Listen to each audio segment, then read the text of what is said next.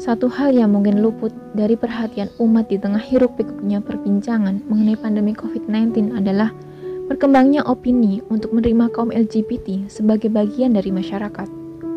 Baik pelakunya secara langsung maupun aktivis yang mendukung keberadaan kaum ini yang biasa disebut dengan alias.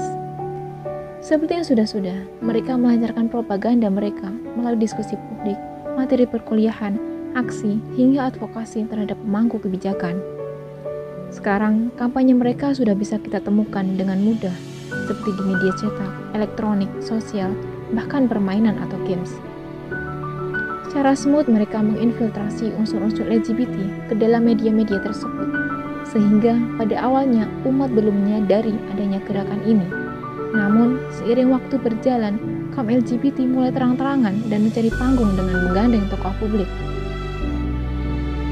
Dan selama bulan Juni dan bulan-bulan Juni sebelumnya, lihat kaum LGBT semakin gencar karena bulan ini diklaim mereka sebagai Pride Days mereka menyerukan slogan-slogan menyesatkan seperti Equality Matters, Love is Love, Accelerate Acceptance. Bahkan, mereka menunggangi slogan Stop Bullying di tengah-tengah kaum rasisme yang sedang melanda negeri Paman Sam.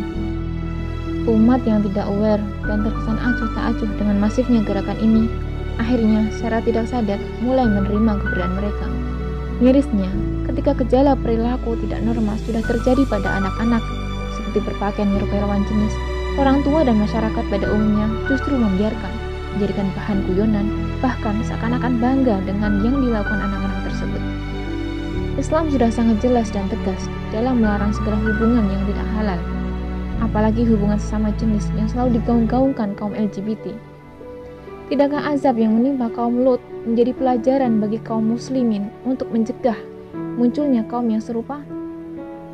Allah Subhanahu wa taala berfirman, dalam surat Asy-Syu'ara ayat 165 sampai 166.